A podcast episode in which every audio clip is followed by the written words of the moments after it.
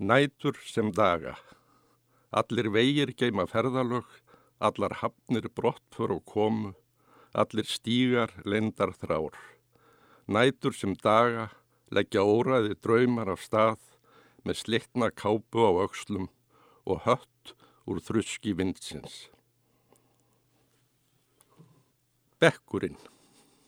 Þeir sem setjast á bekkin verða þess fljóðlega varir að úr póskassa handan við göduna berst lávar tónlist frá Nepal. Krossleggi þeir fæturna geta þeir umsögða löst talað sjö tungumál. Farið þeir hins vegar úr skónum, byrja kirkjuklukkur að ringja og einan skams gengur líkfyllt hjá. Sá sem verið er að bera til gravar er ávalt sá sami. Eginmaður rauðklætu konunar sem á eftir að setjast við hliðin á þér á bekkin og valda usla í lífið þínu. Glenn Miller. Ég bað hann að klippa mig nokkuð snögt. Þegar hún var hálnu með hausin á mér voru við komin á kaf í samræður. Allt í einu hætt hún að klippa og lagði eirað við höfuð á mér. Hún sagðist heyra eitthvað. Það var ekki um að villast. Þetta var Glenn Miller.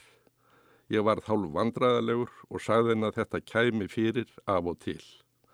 Hún bara brosti í speiklinum og hjælt áfram að klippa mig og ég heyrði að skærin voru farin að saksa loftið í takt við lagið.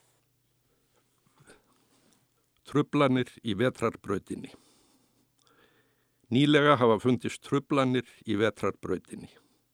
Engver röskun á byrtusendingum heimsins.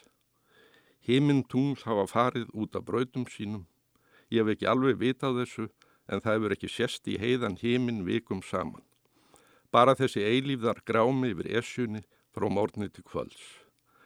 Ég held að fólk sjórði langegt eftir breytingum.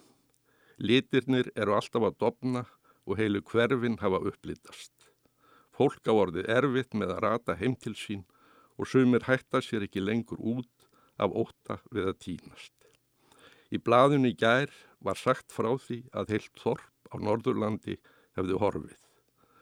Haft var eftir rútubilstjóra sem átti leið þarna um fyrir skemstu að húsin í þorpunu hefði verið orðin mjög döf.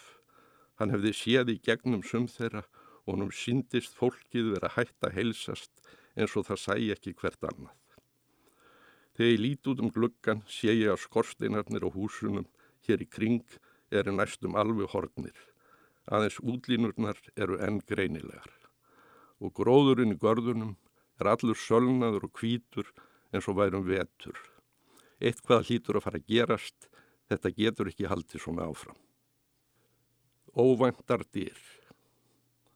Stundum gerist það en svo uppljóma strandferðarskip sigli dimman fjörð. Allt í einu opnast dýr milli heima. Veröldin svo miklu stærri en þig myndi.